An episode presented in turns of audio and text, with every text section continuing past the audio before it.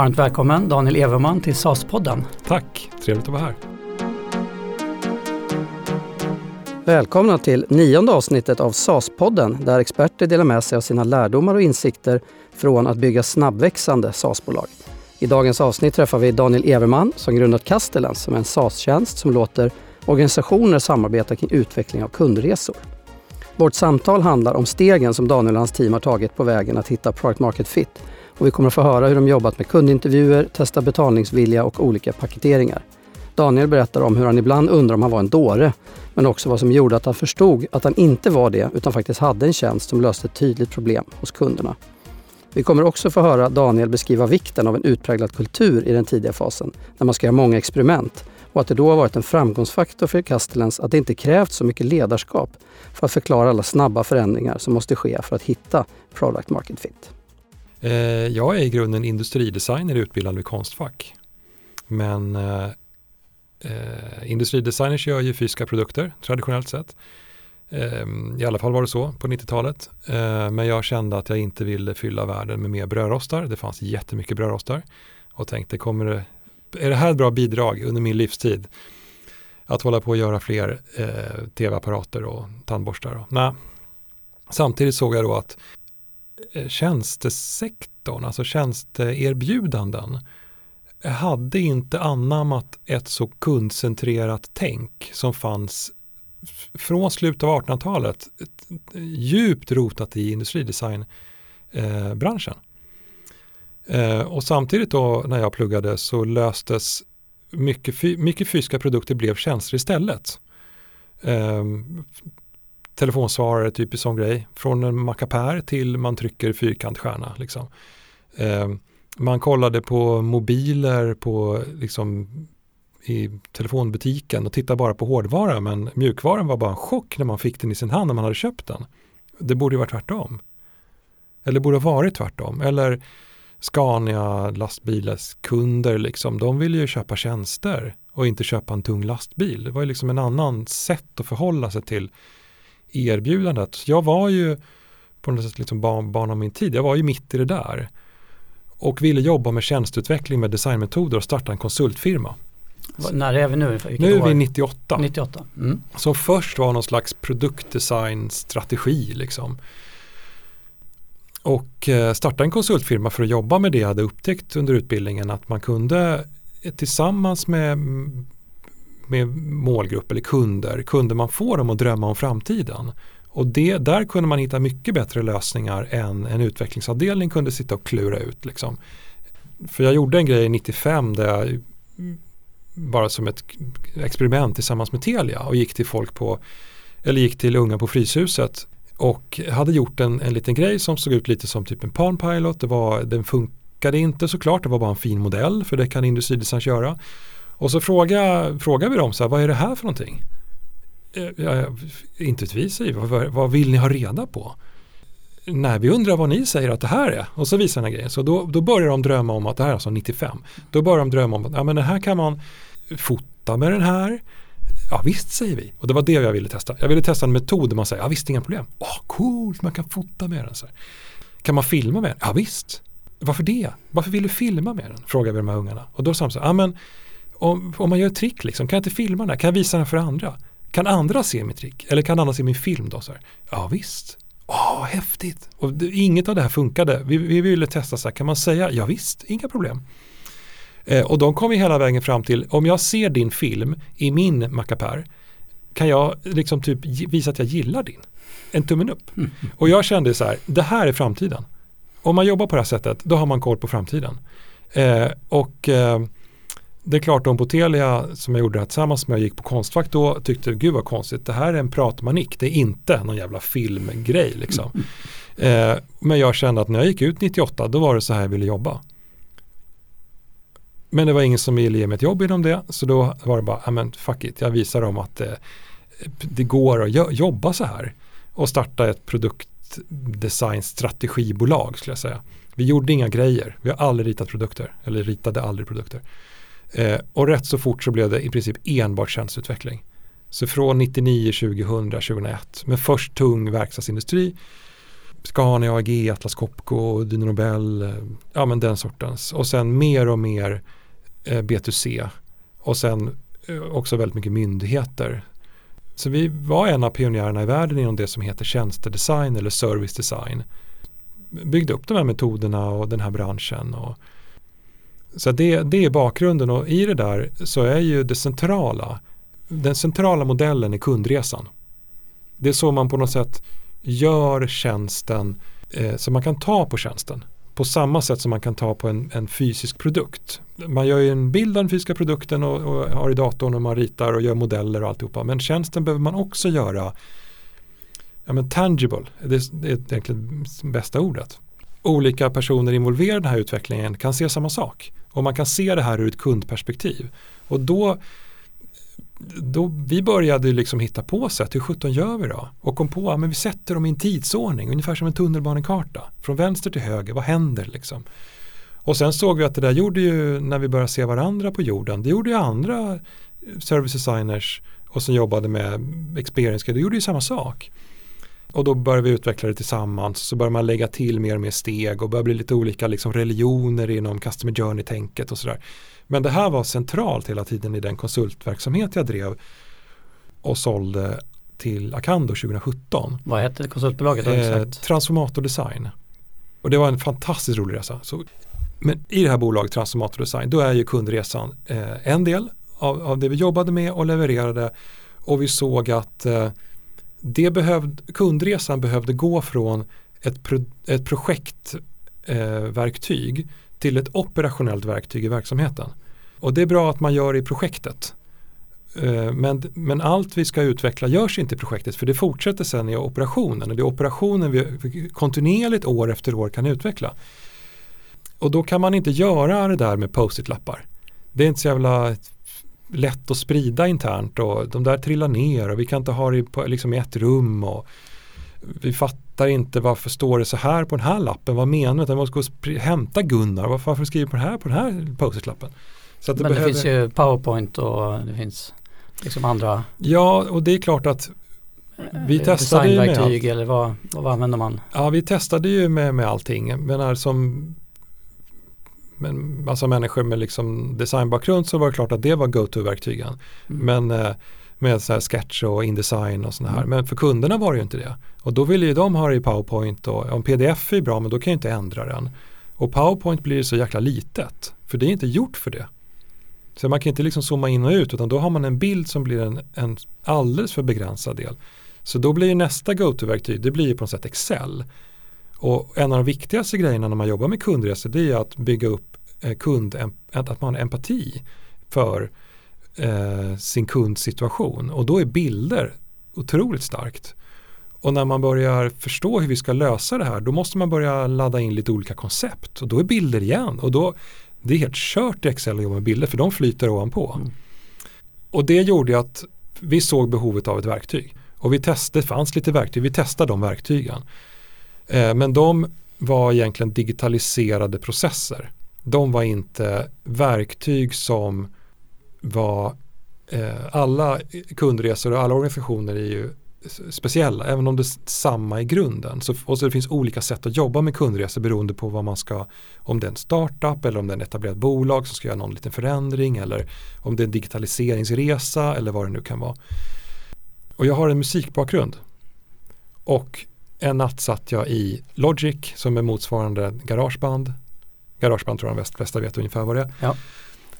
Och så inser jag, och då, då jobbade vi med ett stort projekt med Försäkringskassans sjukpenningsprocess som jag tror den vispar runt 0,7% av Sveriges BNP. Det, där, det vi gjorde i den här kundresan.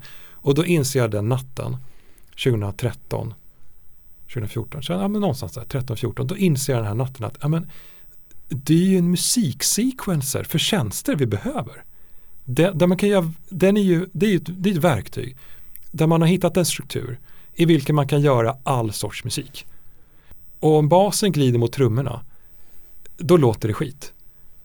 Och om kundtjänsten inte har en jävla aning om vad vi har gjort för förändringar i appen och kunden ringer och frågar, ja då låter det skit i tjänsten. Eh, om man börjar skissa upp det från början och ju längre man kommer desto mer klart blir det. Precis som man jobbar med en låt så jobbar man med en tjänst. och man har sina lanes. Och, man, och det, det heliga är liksom hur saker tajmar mot varandra. Visst, det är viktigt hur det ligger sekventiellt efter varandra. Men det absolut viktigaste är hur det ligger parallellt.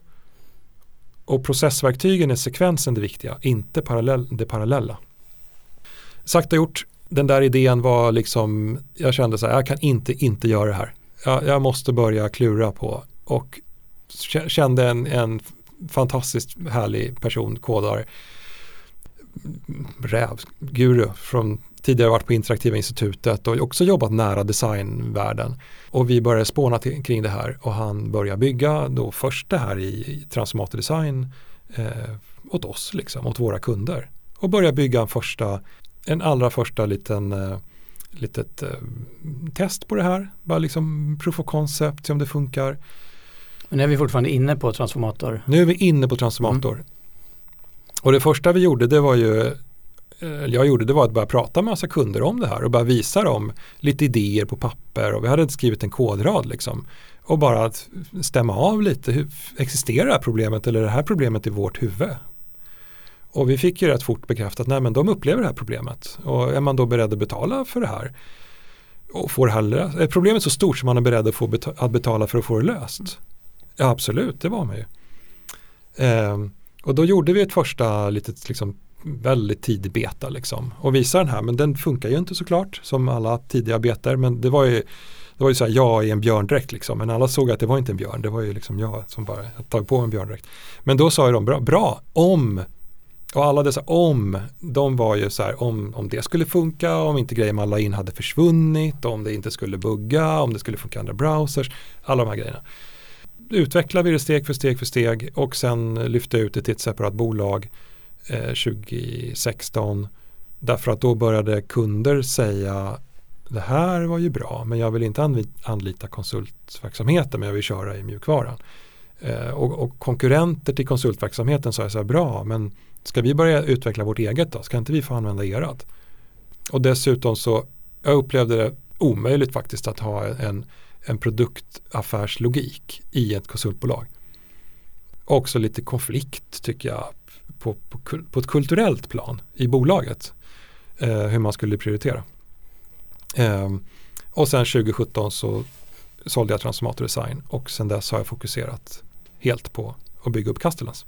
Som du sa, nu har ni börjat prata med kunderna har ni i alla fall fått dem att säga att de är beredda att betala mm. för problemet. Liksom. Mm. Hade ni, jag kan gissa så att det var en lång önskelista de hade men hur angriper man det som? Ja, den var ju lång den där önskelistan men först var det ju som att det här existerade ju inte så att de hade ju liksom ingenting riktigt att relatera till. Utan det de kunde relatera till var ju alternativa sätt att lösa det här problemet. Men de hade inte så mycket liksom produktrelatering eftersom det, ja, det fanns inget. Eh, så kunde man ju diskutera vad är alternativkostnaden? Att gå tillbaka till konsulter för att ändra en kundresa som de gjorde för en månad sedan. Eh, vad kostar det? Och egentligen var det bara de sakerna som kunde visa är det här något att lägga massa pengar på att utveckla? Och det visade sig att det var ganska mycket pengar eh, över tid. Eh, sen såklart så var det ju lite chockartat att de ändå höll kvar i det dyra sättet att jobba långt senare när vi insåg att men så här finns faktiskt en lösning. Att trots att det är så sjukt mycket billigare så höll man i mycket, väldigt stor utsträckning kvar vid det, det, traditionella sättet att jobba. Så då blev det mer en kulturell fråga men, men tidigt, tillbaks till frågan, så tidigt så, så kunde vi bara få den långa listan med kostnader för att typ inte ha koll på sin kundresa, bara ha kundresan i, i, i utvecklingen och inte i verksamheten. Att behöva gå tillbaka till konsulter och behöva jobba i typ eh, Excel.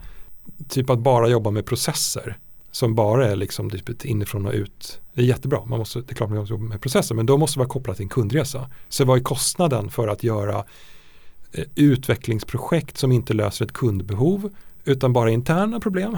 Mm. Ja, det, var, det, det fanns en affär. Men, men provar ni någon gång att sälja? Jag tänker att det är det andra sättet att testa betalningsviljan. Så att ja, du får köpa det. Ja, det gjorde vi. Eh, och, vi eh, och det var ju på, på idéstadiet. Och då var det ju Olof eh, som idag är tekniskt ansvarig i Castellans som byggde från första liksom, kodraden Eh, och då anlitade jag honom som konsult i, i transformator design, i konsultföretaget. Eh, han eh, hade kontakt med ett, ett kodargäng som vi kunde eh, hyra in för att öka vår, vår, vår kapacitet och det gjorde vi kontinuerligt. Men det de sa det var så här, nej, ta den där risken att bygga någonting mot till väldigt många kunder. Det är stor risk och det kommer att kosta jättemycket pengar. Är det inte bättre att ni hittar en kund som är beredd att betala en miljon och så bygger vi mot den kunden. Och då vi testade det. Att gå med ett sånt erbjudande till våra stora kunder.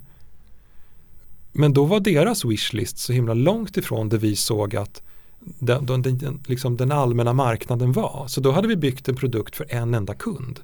Och eftersom jag ägde transformatordesign och, kunde, och det var en väldigt lönsam verksamhet så kunde jag använda medel därifrån utan att egentligen behöva förankra i en kommitté där alla skulle förstå den här visionen. Och då valde jag den eh, vägen. Att inte utveckla mot en utan faktiskt bygga något för många. Och jag såg att det här problemet är i hela världen. Och då hade det blivit kanske någon av de stora myndigheterna något annat vi hade byggt till. Och det hade blivit ett specialbygge för dem. Men det här är en världsmarknad.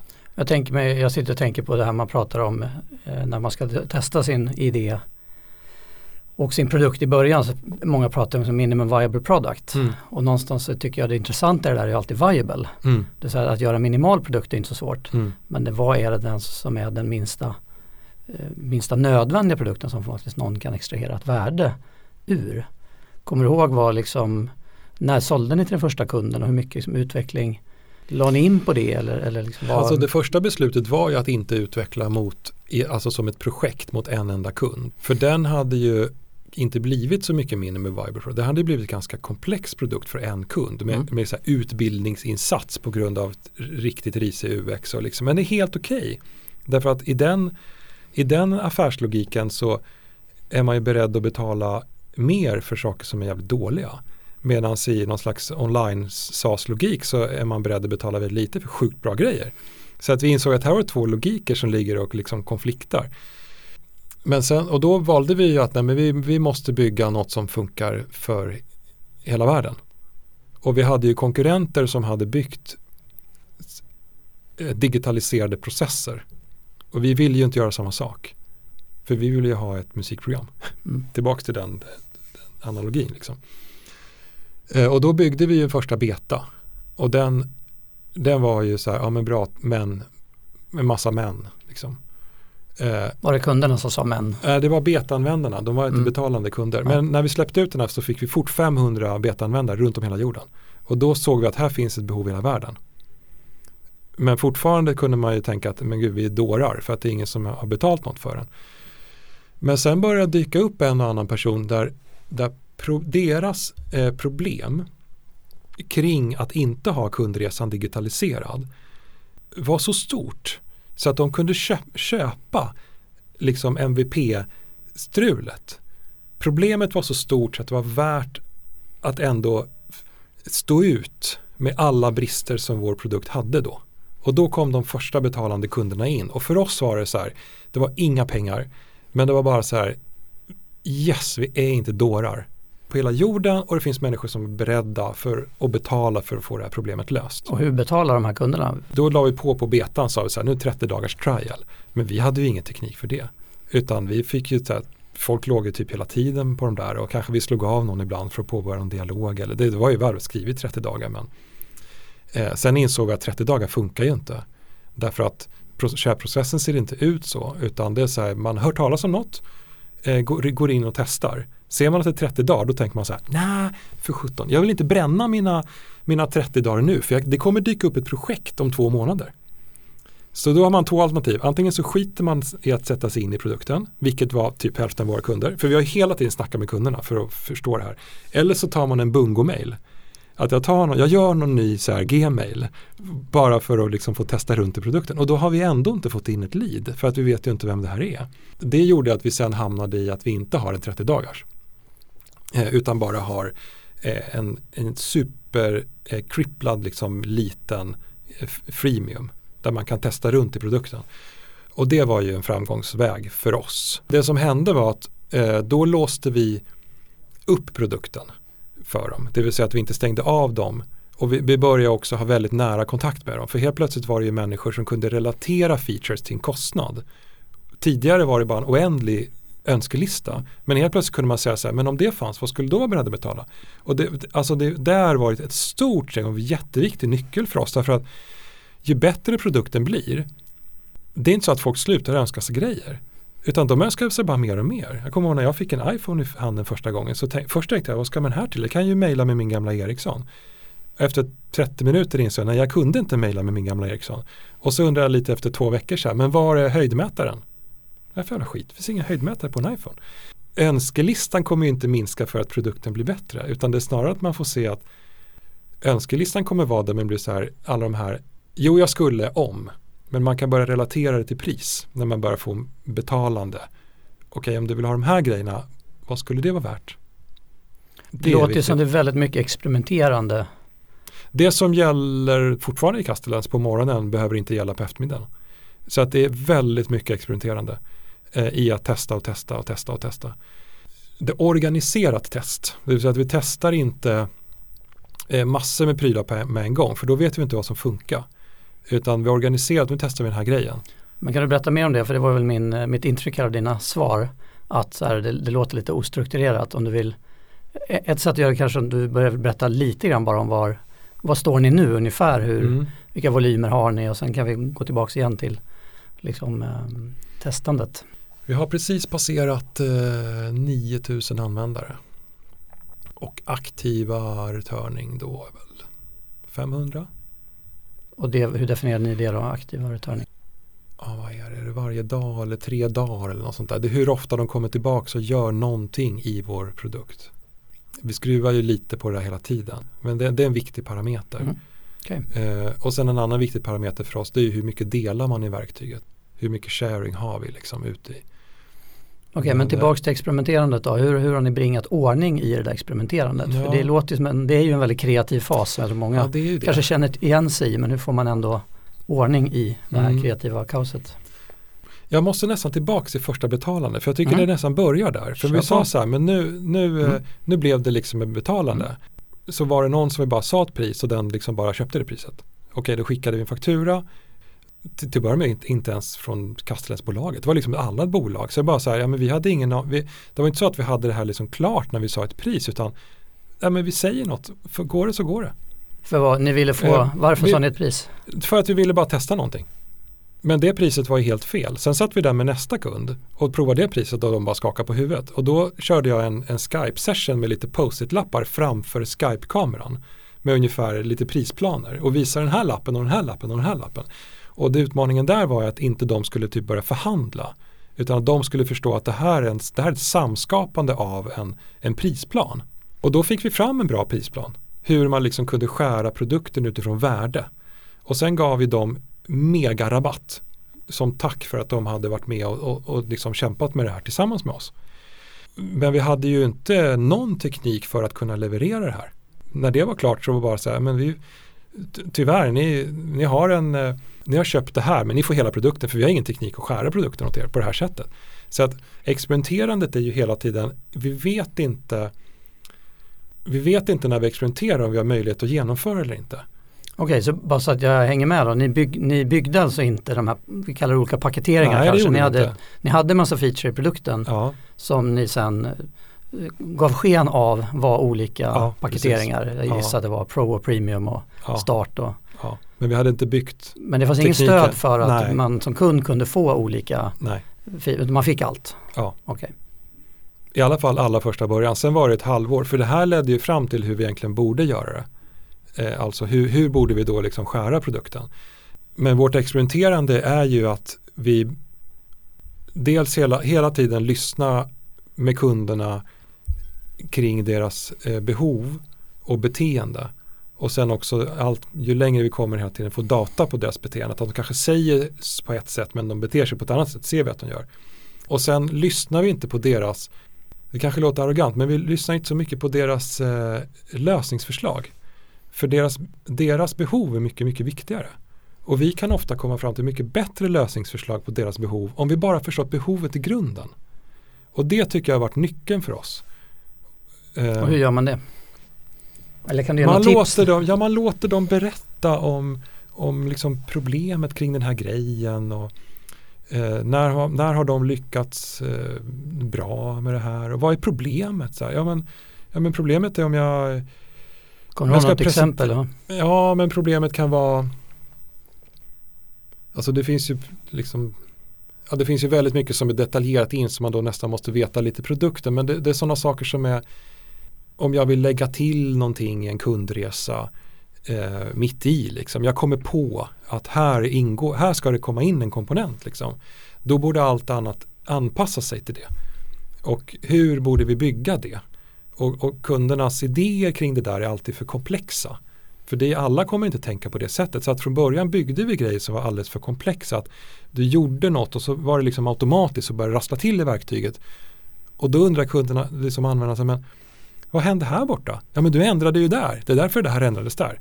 Den sortens liksom smartness och så tog vi bort smartness steg för steg. Så det är ett typiskt exempel där, där det är bättre att vi förstår deras behov. Nu, nu har vi en sån som är väldigt otroligt typisk. Det är så här, om jag är i en stor kundresa och så ska jag scrolla ner. Tänk, tänk er en stor karta så här, och så ska jag scrolla ner i den här kartan. När jag scrollar ner så jag, vet jag inte var jag var någonstans. För att i den översta så har jag kundens situation och aktiviteter genom den här resan. Då säger många, jag vill ha linjer. Så att jag vet, jag kan orientera mig i linjer. Kanske till och med färger på linjerna, så jag vet att jag är vid den röda. Men när man kommer djupare i problemet, då är problemet att veta var jag var. Är det inte bättre att den övre lanen är låst? Som i Excel när man har Som i Excel. Eh, det borde ju vara en betydligt mycket bättre mm. lösning. Men väldigt många, speciellt med designerbakgrund, de är ju inte Excelare. De säger jag vill ha färgade linjer. Om vi utvecklar färgade linjer så vet vi att vi har ett verktyg som, är, som har löst en, en kundfeature-fråga, men inte grundproblemet. Veta var jag, var jag är någonstans. Det är typ, och vi har sånt hela tiden. Och, och det vi också gör, och vi upptäckte ganska tidigt, att med knappa resurser bygga det här. Vilket jag tycker är en tillgång. Knappa resurser är tillgången i, i det här. Eh, För hur många är ni i bolaget? Det är tre. Och vi har använt konsulter som har kodat en, två stycken. Men, men att tre är ju, i, apropå product market fit, det som gäller på morgonen gäller, gäller inte på eftermiddagen. Tänk att ha en massa ledarskap kring det där. Men du, du sa ju det här, stämmer inte det nu? Nej, precis. Det är det, som, det är det product market fit handlar om. Att vara då ett litet, litet tight team som förstår hela tiden eh, syftet med det vi gör och själva kan hålla på och liksom klura runt det tycker jag har varit otro, är otroligt viktigt. Nu kommer vi börja anställa för nu börjar vi se en hel del saker som funkar. Jo, det vi också insåg tidigt det var att vi, vi var livrädda för att bygga features som inte hade något kundvärde. Och då tänkte jag, vi slänger upp en knapp här, på den här grejen. Till exempel templates, i, i, alltså karttemplates. Vi hörde mycket frågor om templates och tänkte att vi skickar upp en knapp då. När man öppnar en ny karta så kan du välja öppna tom eller öppna template. Så satte vi lite eh, som kopplade Analytics till den där. Och så när du tryckte på den där så kom du inte till en template. Du kom till ett mail som frågade så här, hej, kul att du vill ha en template. Vad är det för template du vill ha? Och då började vi få in lite mail kring templatefrågor. Och vi såg också eh, via Analytics att många tryckte på den där. Ja, då, då, då satte vi oss ner och tog några veckor, skitmycket jobb liksom att göra och bygga både templatesen och tekniken och sådär. Ja, då hade vi lite schyssta templates. Så hade vi knappen kvar, want more templates. Det var en och annan som tryckte på den där ändå och då var det frågor kring lite så här, vi har gjort lite branschspecifika, lite generella, lite så här workshop och det har ju kommit på kundfrågor. Bolag kan ju ha lite olika funnels, kan du inte bara kort berätta hur, vilka steg har ni satt upp i eran ungefär? Har ni? Vår funnel är att man kommer som ny visitor till vår sida och sen att man då, hur många signar upp? Och där har vi från, från början hade vi jättedåliga siffror och nu har vi superbra siffror. Så det är en konverteringsgrad då från besökare till att man signar upp ja. och det är till den här freemium. Ja, precis. Versionen. Det är mm. till freemiumen. Och sen har vi något som vi heter, kallar för played around. Och den är eh, klicka runt i produkten och då har vi definierat ungefär vad man behöver göra för att man typ ska greppa vad produkten är för någonting. Man har inte, gjort, man har inte skapat något värde men man har fattat vad det här är. Och den är ju av då sign-upparna, hur många har played around. Och sen har vi repeat user, att man liksom kommer tillbaka återkommande, men man är fortfarande gratis. Och sen kommer man att man har gjort en checkout. Man har liksom uppgraderat till en betalversion. Och sen har man att jag har delat. Jag har delat någonting med mina kollegor eller någon konsult eller något annat. Och sen har man att man kommer tillbaks återkommande hela tiden. Man är i liksom verktyget eh, kontinuerligt. Och då kan man säga att först hade vi ju inga visitors, var ju tvungna att jobba på visitors. Ja, när vi hade det så hade vi inga signups. Varför, varför kommer de till vår sajt men de signar inte upp? Fick vi jobba på det. Och när vi hade sign-ups så var det så här, ja men de verkar signa upp men de lämnar ju oss med en gång. Eh, Okej, okay, så hur gör vi det enkelt att komma in i verktyget? Och det var ju till exempel en liten en liten demopresentation, eh, lite helpcenter, en första karta eh, som är lite så här metakarta som beskriver det här är en lane, det här är ett kort, det här är ett sublane, alltså förklara. Och då började folk leka runt. Och sen var det ju, ja men då lekte runt men de försvann. Hur får vi dem att komma tillbaka? Eh, och det handlade ju mer om eh, drip-grejer och Eh, börja skapa värde, liksom kundresekopplat och då tillbaks i produkten. Så att eftersom man har ju redan lekt, lekt runt så borde det vara läge att börja skapa värde i det jag lekte runt i. Så det är så började vi jobba då medvetet in i och då blev hela product market fit blev ju liksom ett, ett funnelarbete. Där vi hela tiden med funnelns hjälp också olika färger på de olika delarna i funneln kunde säga så här, nu jobbar vi med lila så att det dök ju upp frågor hela tiden i... Då bestämde ni för det ni tre då i? Ja, och styrelsen. Och styrelsen okay. ja, att, mm. eh, att nu är det en lila fas. Nu är det det vi jobbar med. För det dök ju hela tiden upp en massa idéer och kundinput och grejer. Vi säga så här, men det här är blåa grejer. De ligger i liksom sign up. Nu jobbar vi med, med uh, play the round. Hur ökar vi play the round? Och hur så, länge jobbar ni typiskt sett med en sån sprint då, eller sån fas då? Två månader kanske. Och så såg vi effekt, vilket ju är så sjukt kul. Att man liksom jobbar med det medvetet, vi lägger allt annat åt sidan. Det är, så här, ja, men det är dåligt, det som är på det andra. Men vi måste jobba med just det här nu. Så fokus där har varit viktigt då, att definiera för sig själv. Nu är vi här och det är okej okay ja. att inte allt det andra, ja. Eh, ja, det står läcker även på de andra stegen såklart under tiden. Då. Att vi får köpa det. Vi får köpa att det är dåligt där. Mm. För att nu fokuserar vi här. Och det skapar ju ett lugn eh, i arbetet så att man inte liksom bara vimsar runt. Men sen parallellt så har vi också skapat en liksom insales eh, försäljning med kontakt med kund och traditionella, liksom lite kontakt med IT, lite med legal, offert. Ja, det var min, eh, min, eh, som jag hade på tungan nu, det var ju att det låter som att den, den bas kärnaffären, om vi ska kalla det, är att ni vill att kunden löser hela den här resan genom fannen själv. Mm. Man kan ju också lägga på att så här, nu är ja, du då säljare mm. och går ut till kunden och hjälper igång dem. Mm. Och säger att okej okay, det är lite eh, buggar här men, men liksom så här gör ni för att ändå köra verktyget och så kan man sälja ett abonnemang till ett företag. Vi Hur har, har ni tänkt där? Vi har delat på dem där kan man säga. Så vi håller dem lite liksom åtskilda. Därför att vår långa vision är ju att bygga väldigt mycket ett onlineverktyg. Där man kan konvertera och köra själv vi har ju användare idag i hela världen och kunder i hela världen. Eh, 95 länder. Och vi, vi såg ju tidigt att vi vill inte ha liksom etablera säljkontor i Danmark som hinder. Och vi såg att vi ville liksom bygga typ ett Mailchimp. Eh, men samtidigt så insåg att vi har ju en, en försäljningspotential som kan dessutom driva vår, vår liksom kassaflöde. Och dessutom lär vi oss jättemycket när vi har kontakt med kunderna på ett manuellt sätt. Och man är beredd att betala lite mer för man har den kontakten med oss och man liksom, vi, vi bordar på dem manuellt. Så nu gör vi ju, och vi har gjort hela tiden egentligen, men vi skiljer dem åt kan man säga. Så att vi lär oss i, i det manuella säljet, saker som vi sen kan mekanisera in i det automatiserade säljet. Och dessutom så driver den de kunderna är ju, då köper de mer ofta i ett team och de vill inte ha en faktura varje månad utan en faktura per år och då är det ganska naturligt att man tar den i början.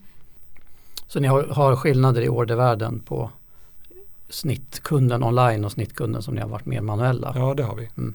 Och Men, idag så, så, så, har vi ju ofta, och det också har varit en liten insikt att idag är ju väldigt mycket våra onlinekunder lite leads till att bli eh, mer liksom in-saleskunder.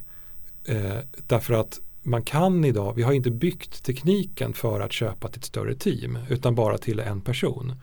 Men vi vill ju inte bygga den kostsamma tekniken innan vi vet. Så det vi gör idag är att vi, vi har ju den manuella försäljningen för att veta hur ska vi bygga för att till exempel köpa för ett team på 20, 30, 40 pers. Och det är ju, eller 100 pers för den delen, det är ju många som jobbar jättemånga i, i, i verktyget och delar kundresan. Men det måste ju ske manuellt. Vi kan ju inte bygga bara skeppa ut något och chansa på att det funkar. Det kan bli hur fel som helst. Det, ja.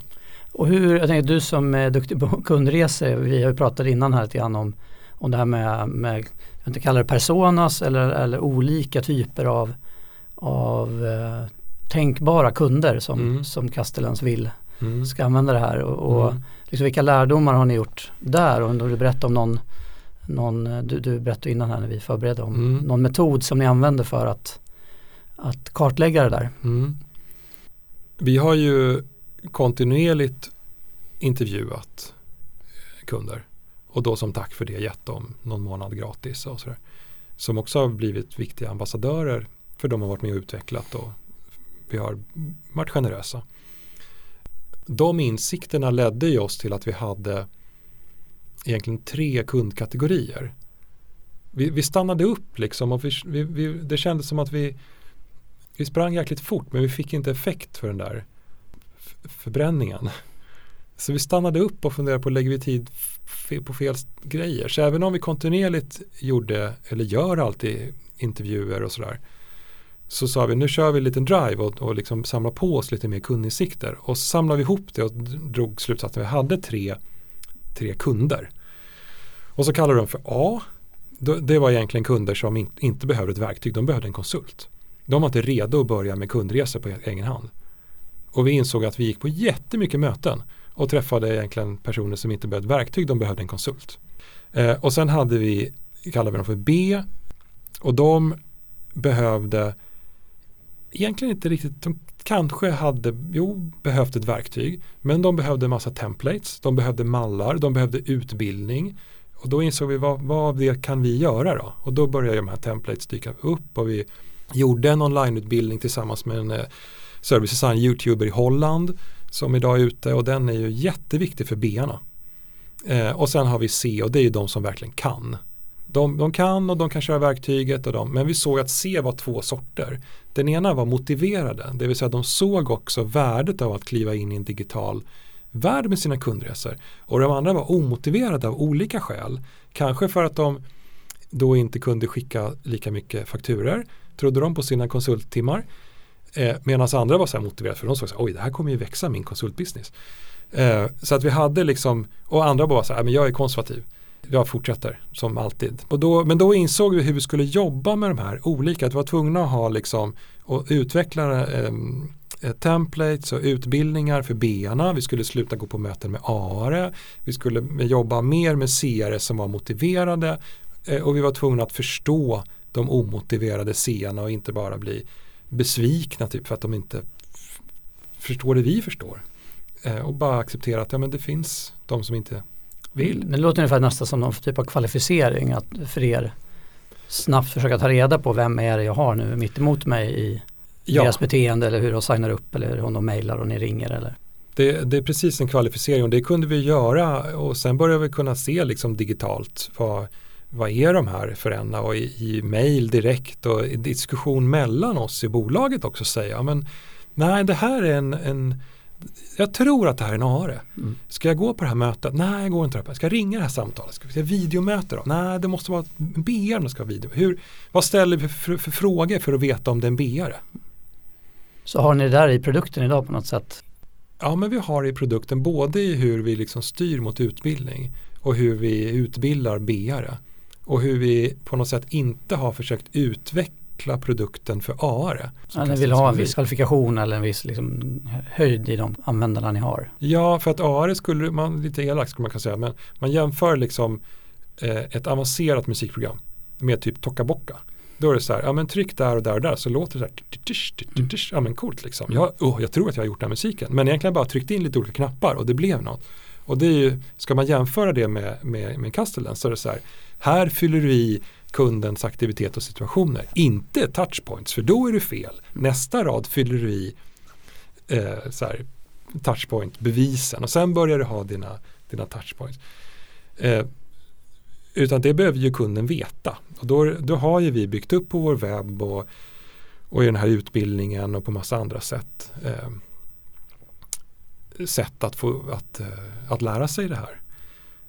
Eh, jag, jag, tänkte på en annan sak när vi bara, bara jag tror det är otroligt viktigt som nyckel i det här. Mm. Det kanske, nu kanske jag föregår din fråga, men det är så här, i vissa lägen så har vi stått för att vi kan göra, vi kan göra på, eh, på det här sättet, här, eller det här sättet eller det här sättet.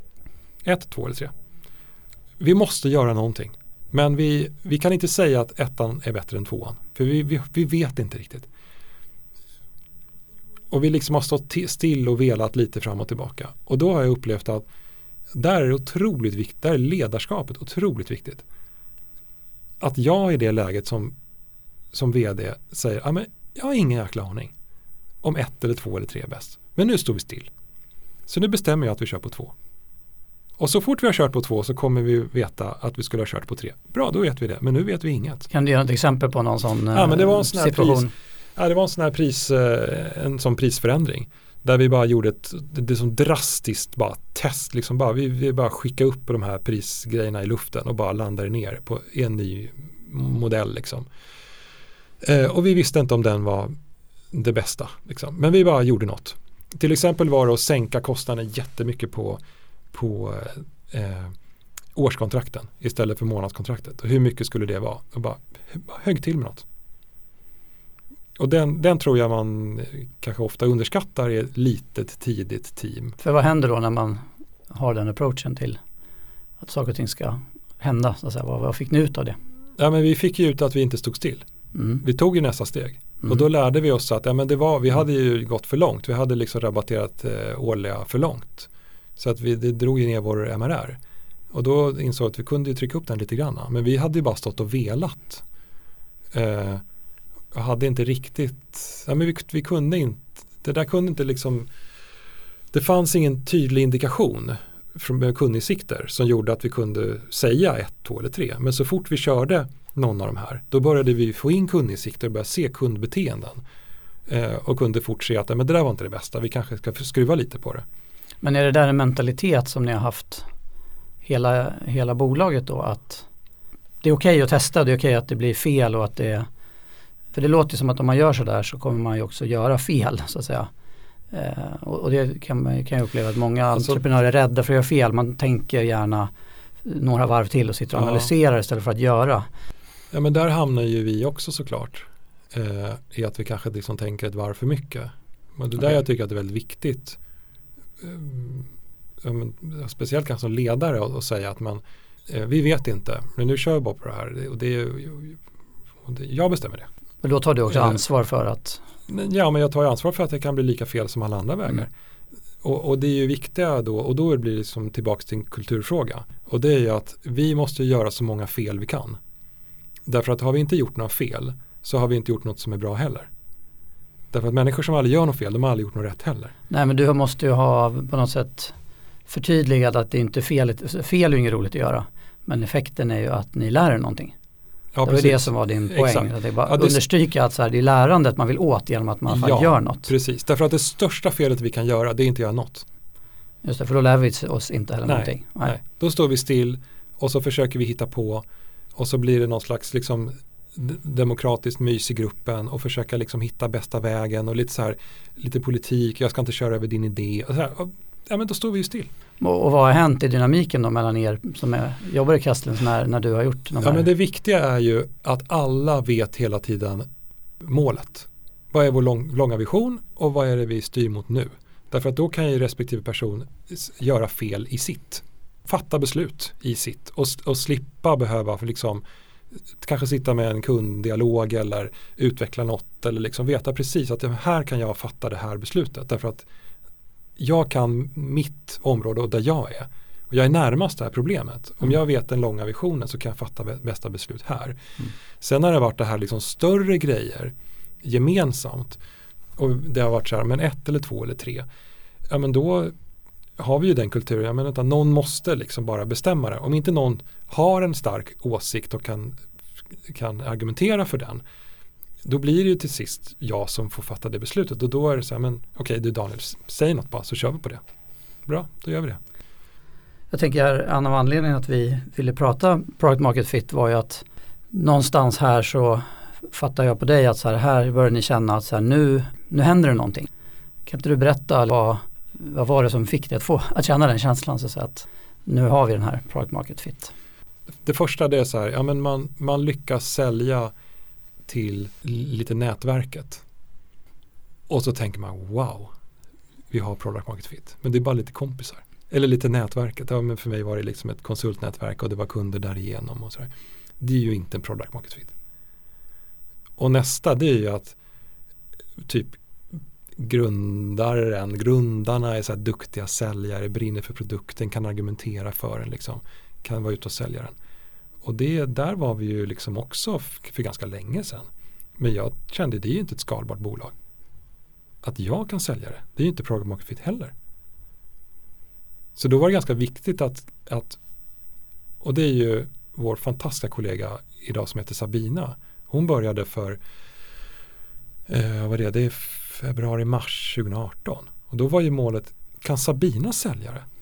Utan att det liksom ja med det kontaktnät och, och sälja till människor som inte var liksom kopplade till min gamla konsult. Vänta, då börjar vi närma oss product market fit. Om någon annan kan sälja det. Och sen nästa steg det är ju att det kan vara automatiserat på nätet. Och också köpa större. Och där är vi ju inte idag utan vi lär oss för att gå dit. Och det var ju där vi lyckades hamna liksom november-december. För då kunde ju liksom både jag och Sabina och hon kunde ta en dialog och, och få till.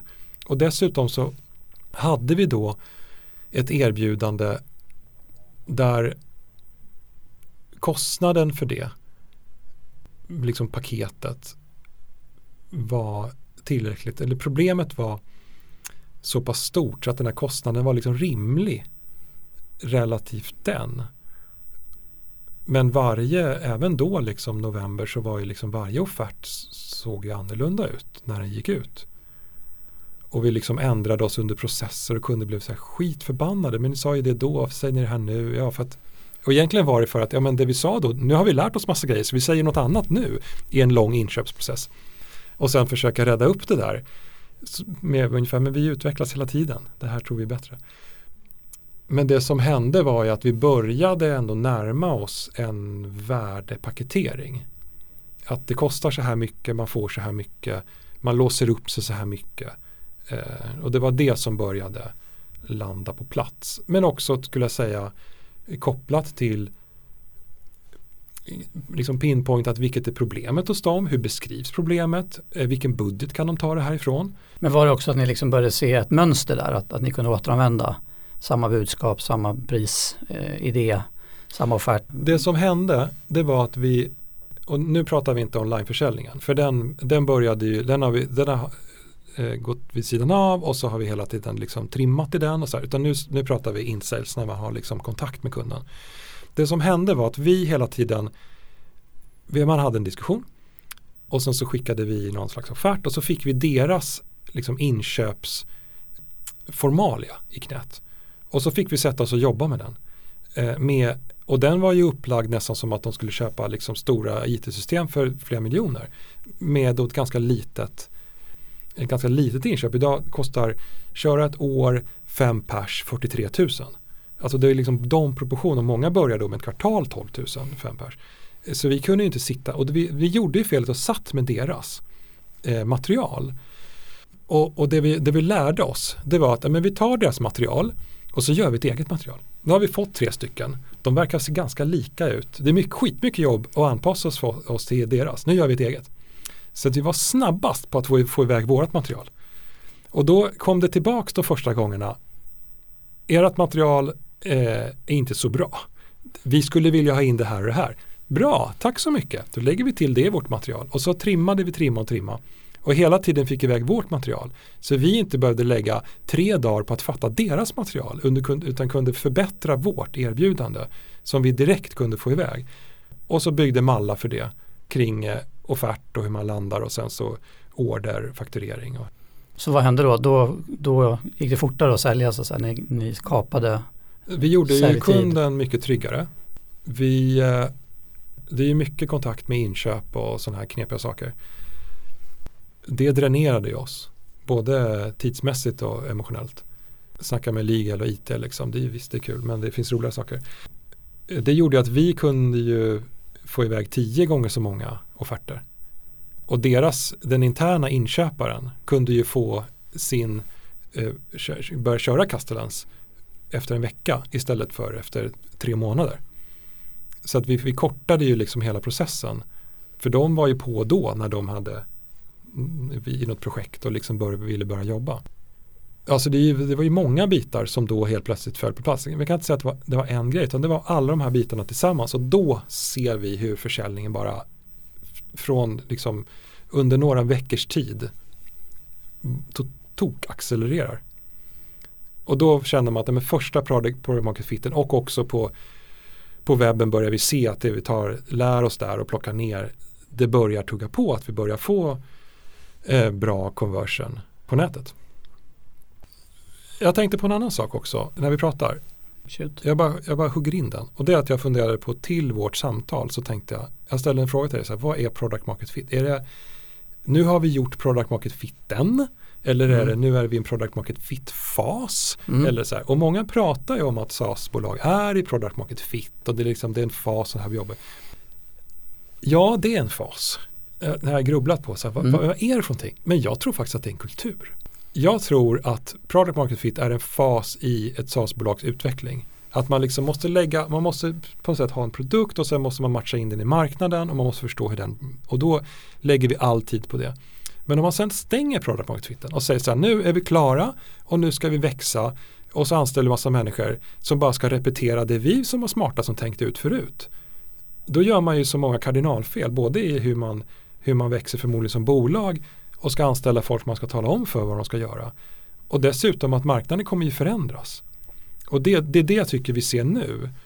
När vi nu går in i en, i en, en växande fas. Att vi, jag är livrädd för att stänga product market fitten.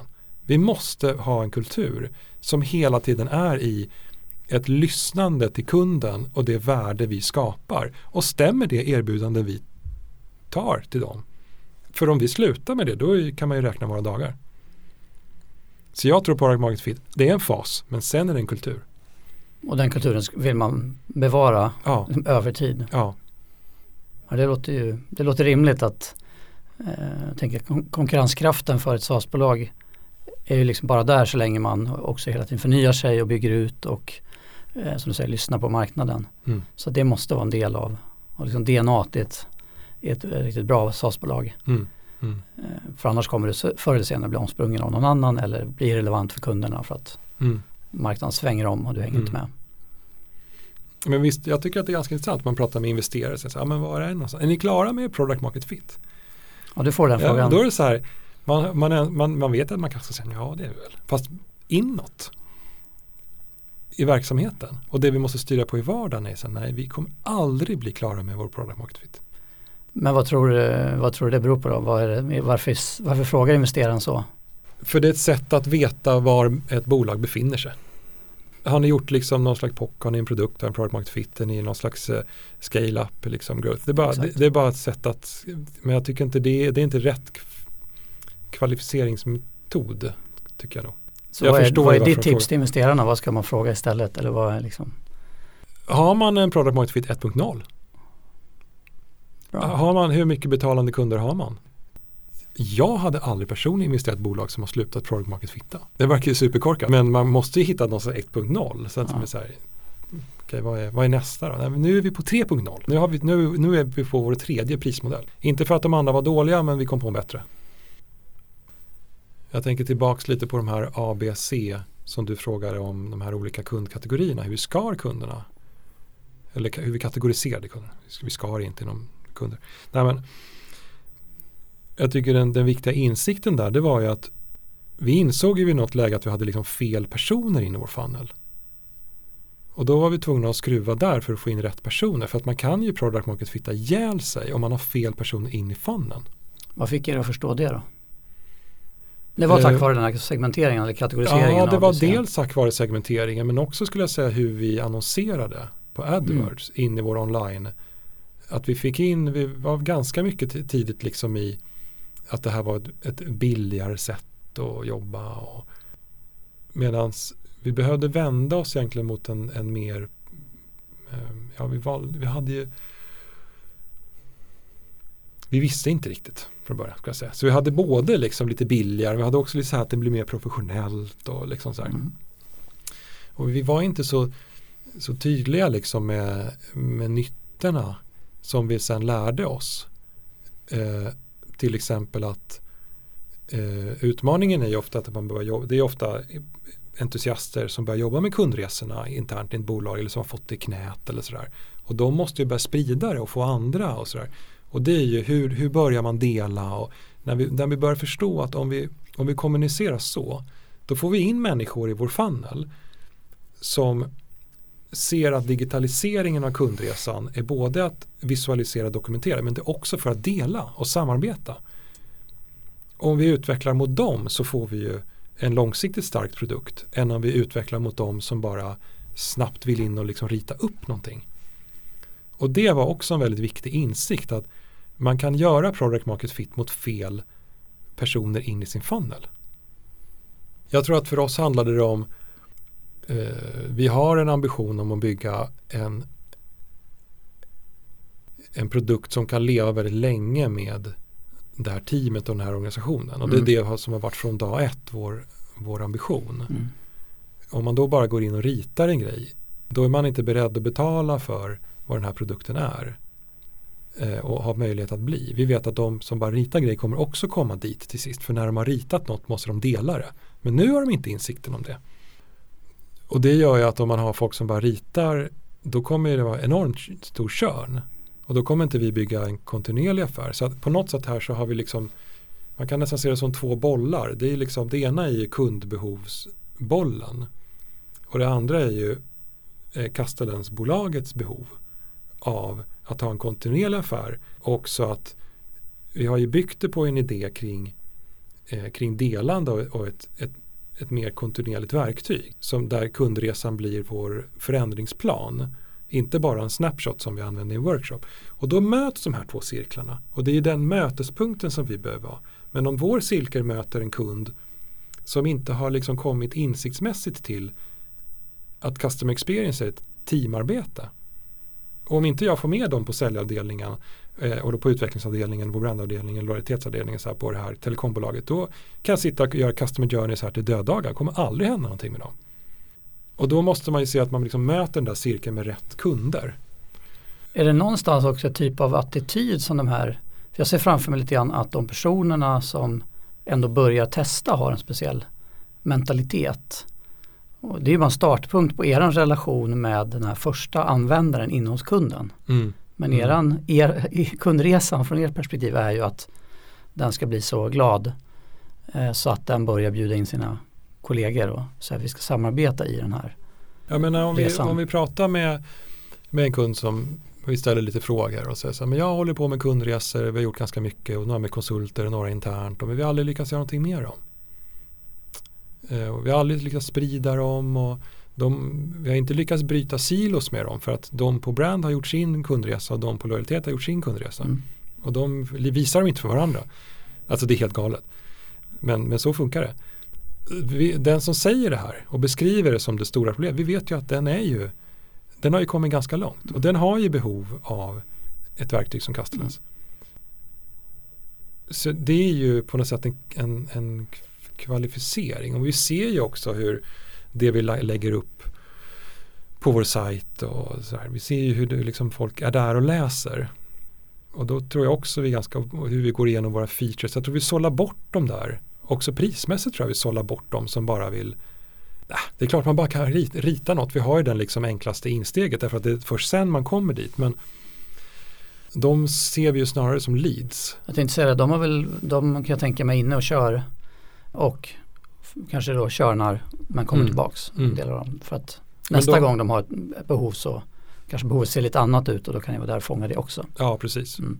Men det hade ju blivit fel om vi hade byggt vår product market fit optimerad mot den kundkategorin. Men jag tror att det handlar rätt mycket om att verkligen kunna sin kund, sin kund alltså fatta kundbehovet så sjukt djupt så man också vet vad är deras nästa problem.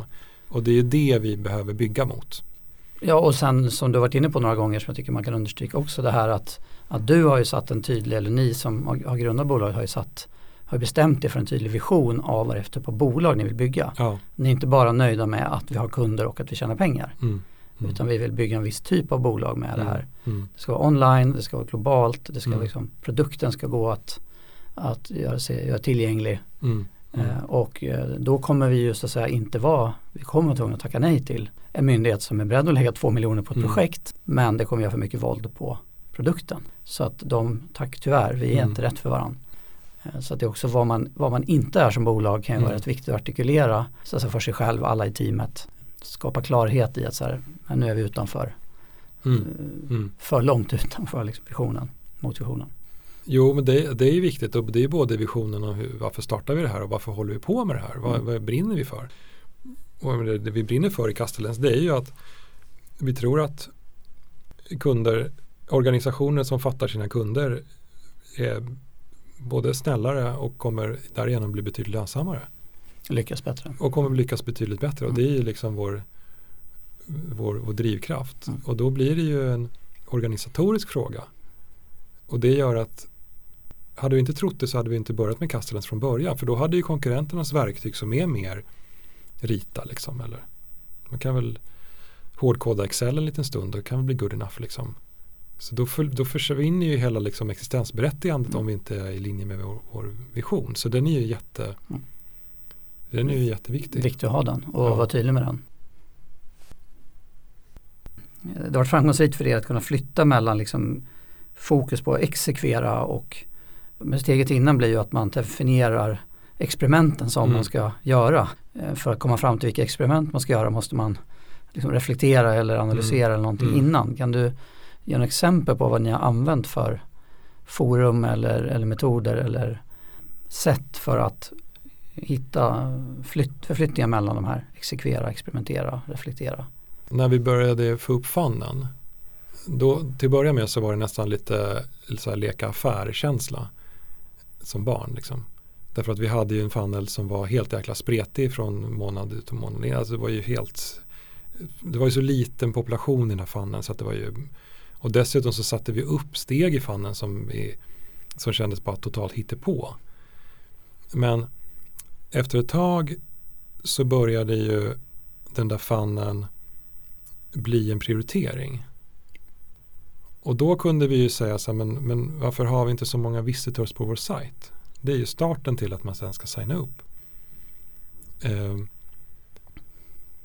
och då kunde vi ju definiera det problemet. Och kunde behöva börja klura på det och läsa lite artiklar. Eh, på New Visitors kanske, ja, men man kanske träffade lite andra eh, SAS-entreprenörer försökte förstå vad, vad skulle vi kunna prova. Liksom. Och sen har vi haft teorin att vi testar inte tio grejer samtidigt. För det är lätt hänt att man gör. Vi testar en grej åt gången. Eh, och vi väljer en och så funderar vi igen och så väljer vi den och så provar vi det. Funkar det, funkar det inte och så väljer vi en annan grej. Sen kan det vara en mix i slutet som man använder sig av. Man måste ändå veta vad gör man på något sätt. Så att det första är så här var i vår funnel gör vi en, var behöver vi jobba med förändring. Så fokus på den.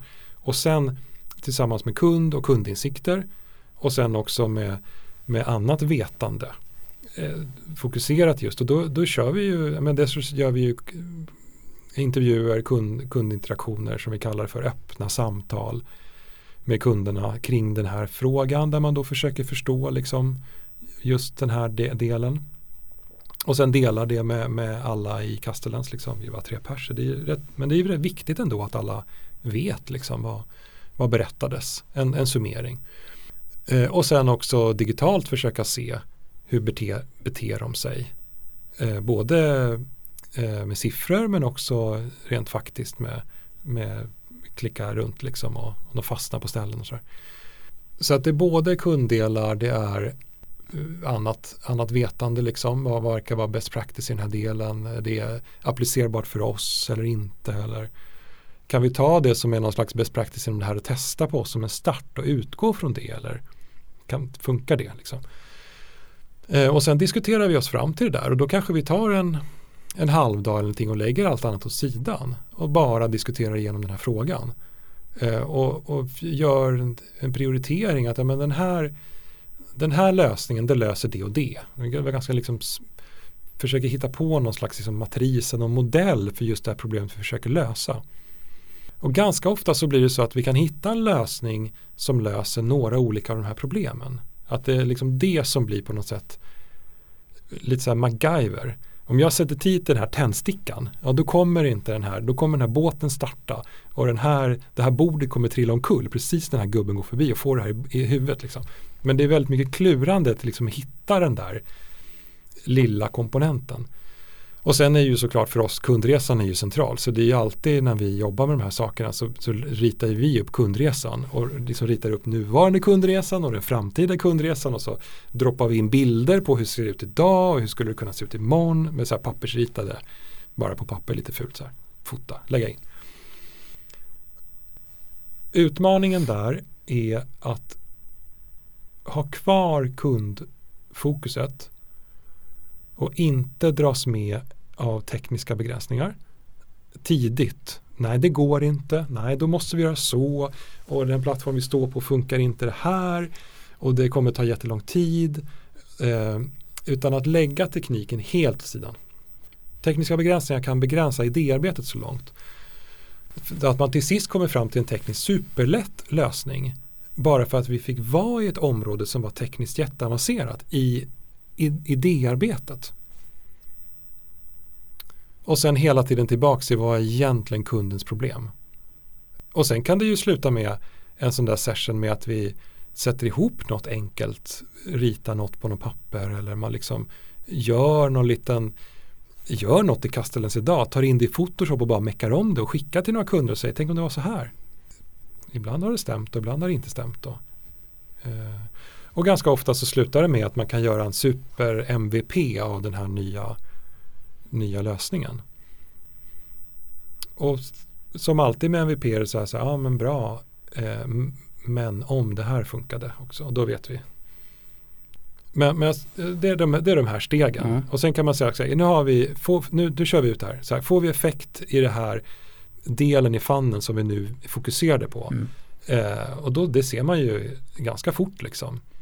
Och sen det, det, problemet i det där det är ofta att det kan vara, vi, vi börjar se på året liksom att det, det är svårt, det blir jul såklart och nu juni och sen kommer det semester och så att göra de här måste ju ändå ligga inom någon slags rimlig eftersom det är liksom en, en BTB eh, produkt så måste det ligga under den tiden när folk jobbar liksom. Mm. Eh, så, så där har vi ju ibland kanske lite gått bort oss lite på att vi gjorde något men det funkade inte alls för att det var liksom fel tider. Mm. Eller vi gjorde något och så var det så här tidigt, så här januari när folk har fått nya budgetar och satt igång nya projekt. Och så trodde vi att vi hade gjort något som var skitbra men det var ju bara, de var i liksom startfasen väldigt många mm. kunder.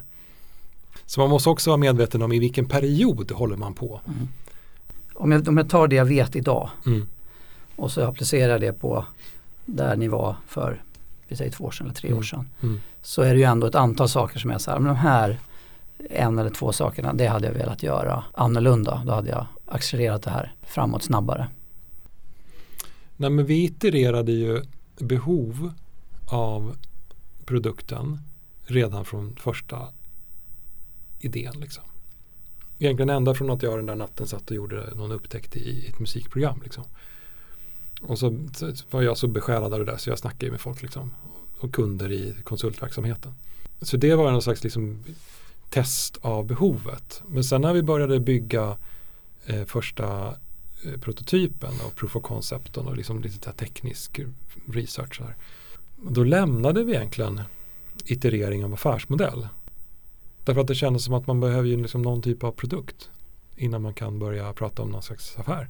Fick jag backa tillbaks och vrida tillbaks klockan då hade jag nog ständigt itererat affärsupplägg och kanske ska säga product market fit från första dagen parallellt med produkten.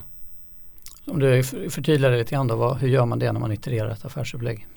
För vi utvecklade ju produkten väldigt nära kunder och användare och visade grejer, testade, hade liksom öppna samtal, gjorde något, bjöd in folk och kolla lite, kolla hur de gjorde då. Så här.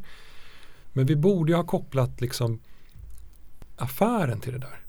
Att säga, men ja, och den här grejen här som du har testat, den kostar 500 kronor i månaden.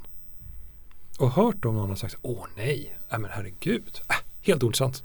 Eller sagt, jaha, det var ju som 17. Du vet, idag kostar det mig 10 000 i månaden att hantera problemen som det här skulle lösa. Mm.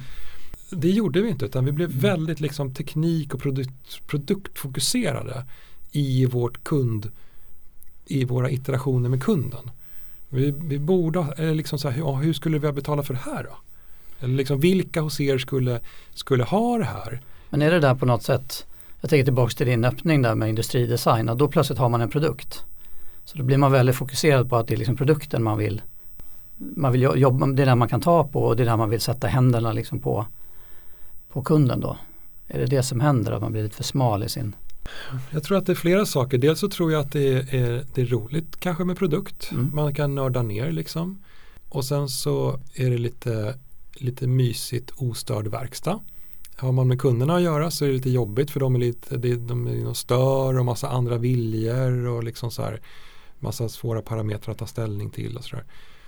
Och sen tror jag också att man kanske är lite osäker i att det är, det är svårt att komma till någon med bara liksom någon slags pappersgrej eller man vill ju visa något som de kan ta lite mer ställning till. Och sen vi som alla andra är helt orealistiska om hur lång tid saker tar att bygga. Liksom. Vi tror att ja, men det här kommer ta en vecka, så tar det tre månader. Liksom. Inte riktigt, men i alla fall. Mm. Det ena ger det andra, ger det tredje, ger det fjärde. Så måste, okay. Och det tror jag att man, man kan nog ganska lätt glida in i det här och, och liksom var lite så här som så här rollspelare när man var barn. Man satt instängt i ett rum och liksom byggde sin egen värld och sådär. Och då blir det här utanför lite för komplext att ta in. Jag tror att det är det, det är lite det man hamnar i. Därför att det är så komplext att börja bygga en produkt ifrån scratch. Det fanns ju inget vi kunde titta på eller utgå ifrån eller liksom kopiera och förbättra. Eller, utan var tvungna att hitta på det från, från, från början. Hade jag gjort om det så hade jag också itererat affärsmodellen. För vad hade hänt då om, det, om du hade gjort det så?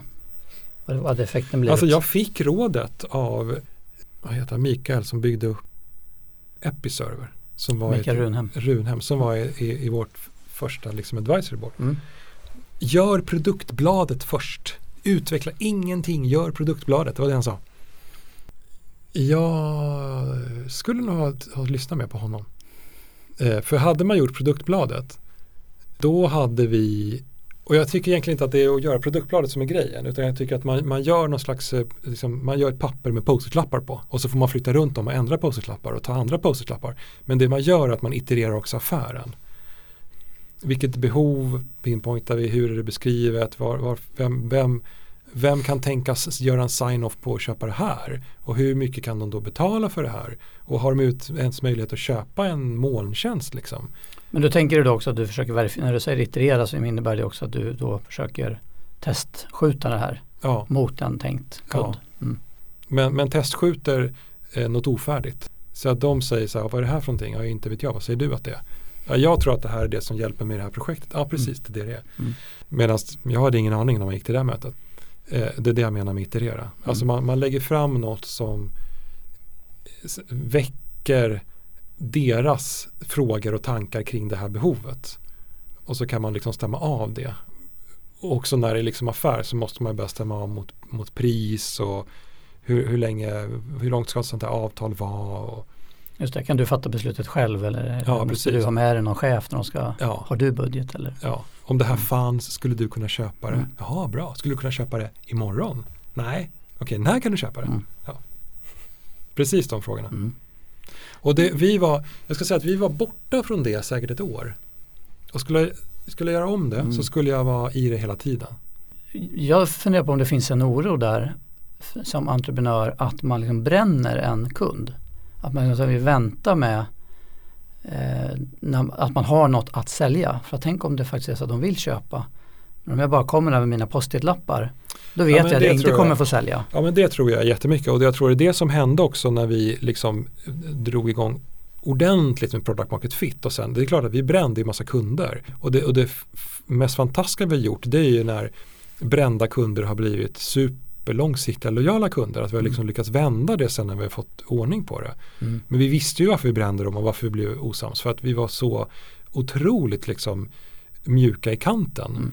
För att vi visste inte hur vår affär hur, hur vi skulle kunna hitta ett, ett, en, en affär. Liksom. Det tror jag.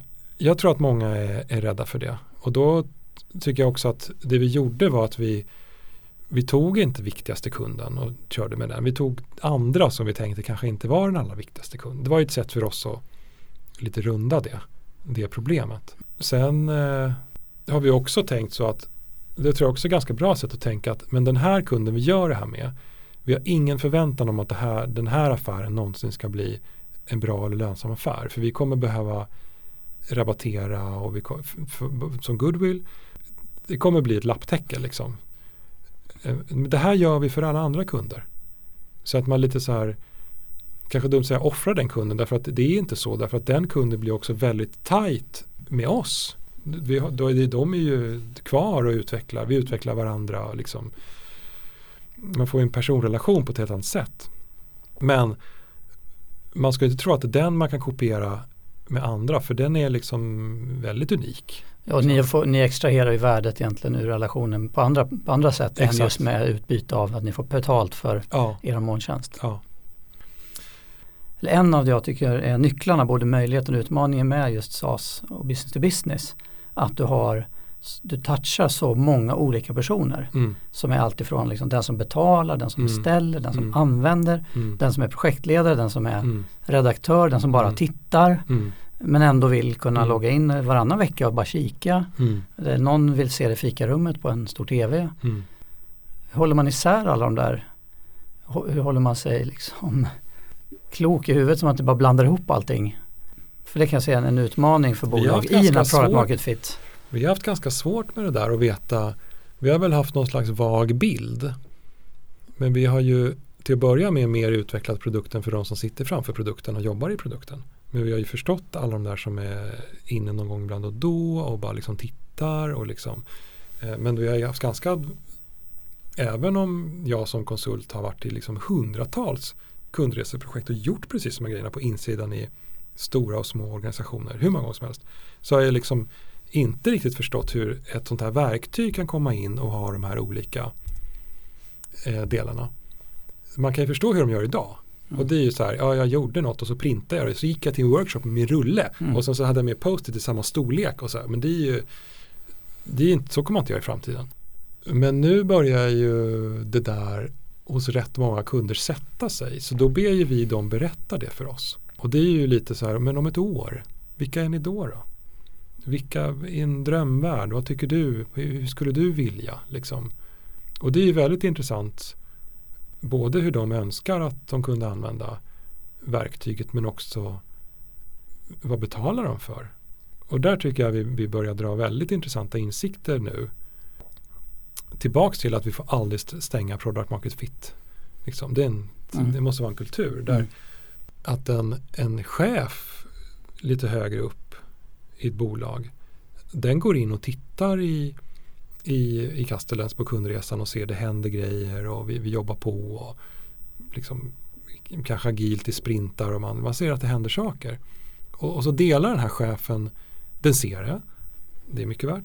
Och sen så delar den det här vidare. Men chefen går inte in och liksom editerar och rockar runt och bygger grejer och sådär.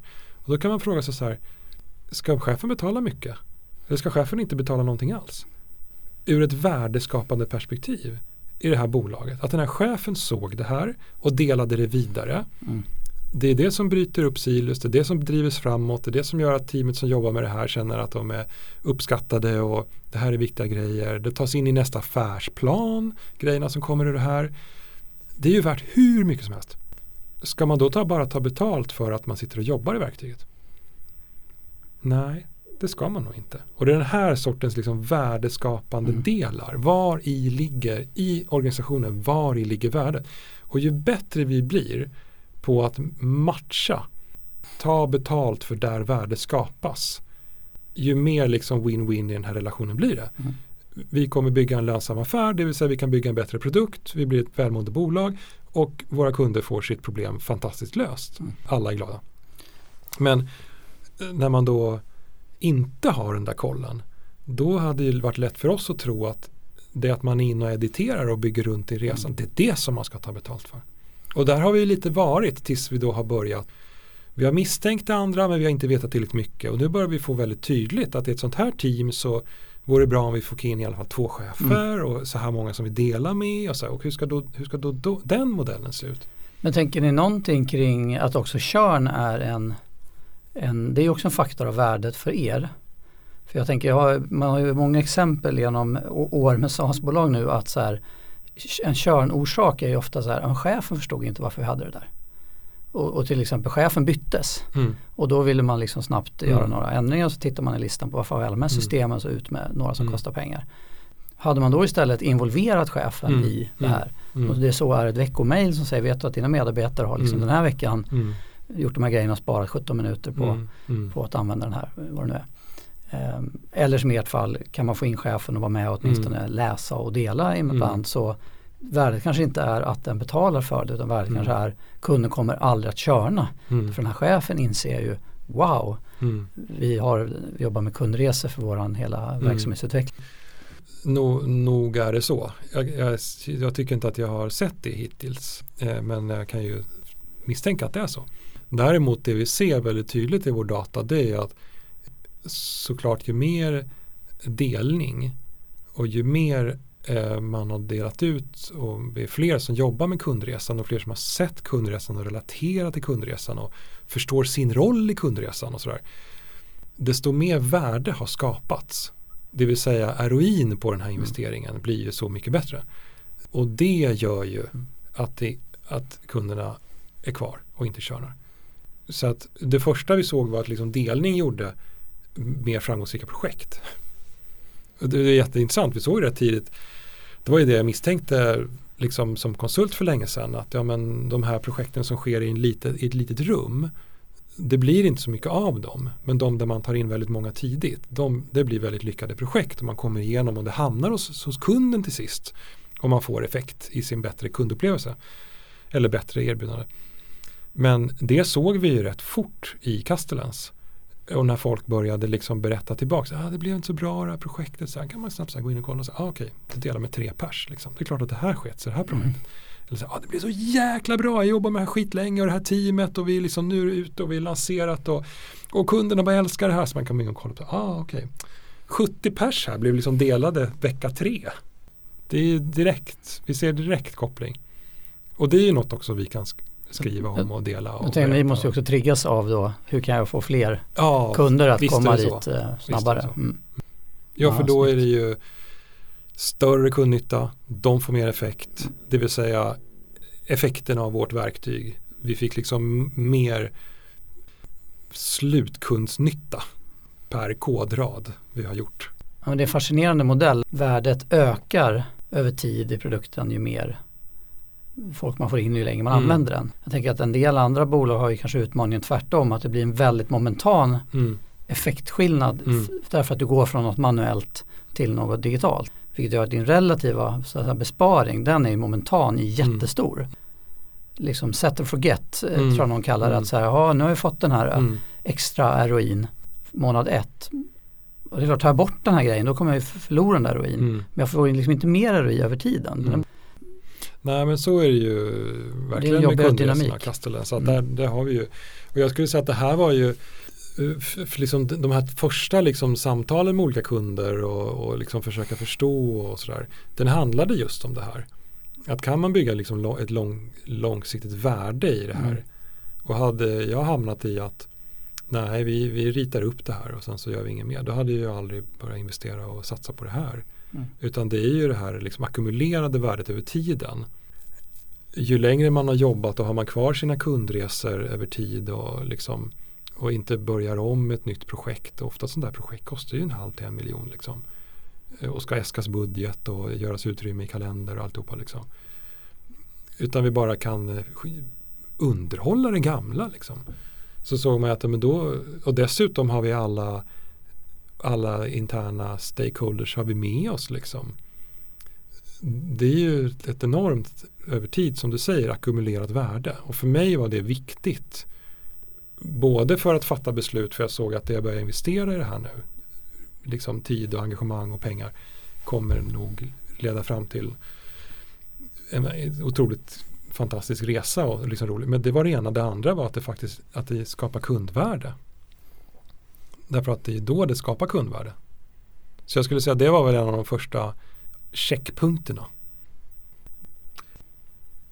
Vi rundar alltid av på SAS-podden med fem snabba om SAS. Så vi ställer frågan till dig också. När hörde du första gången talas om SAS som begrepp? Alltså mina första relationer till eh, SAS det var väl ja, men typ musikprogram jag använde då som inte kom i en kartong. Och det tyckte jag, wow, den kommer inte i kartong. Man får någon kod. Typ. Funkade det då liksom? Man köpte någon kod. typ. Eh, det är ju jättelänge sedan. Det låter länge sedan. Ja, ah, det måste vara 2002 liksom. Mm. Kanske 2000, 2002. Alltså otroligt länge sedan. Hur skulle du beskriva den största fördelen med SAS som affärsmodell? Jag tycker fördelen för kunden är ju att slippa alla de där gamla stegen. Med, få en låda med en CD-skiva eller vad det annars kan vara. Bara jätteirriterande. Och, och fördelen kan liksom att ha mycket mer flexibla affärsmodeller. Kunna slå på och slå av och använda på olika sätt och kunna skära på olika sätt. Så jag upplever att man liksom som, som kund kan ju betala för mycket mer det man använder. Och då, då blir det samma grej för SAS-bolaget. Att faktiskt kunna utveckla och bygga en produkt och ta betalt för en produkt Eh, mycket mer eh, träffsäkert mot användandet. Istället för att behöva liksom bränna en DVD och skicka ut och sen skicka ut några uppdateringar. Och sen tycker jag fördelen är att kunna göra att man kan bli global med en gång.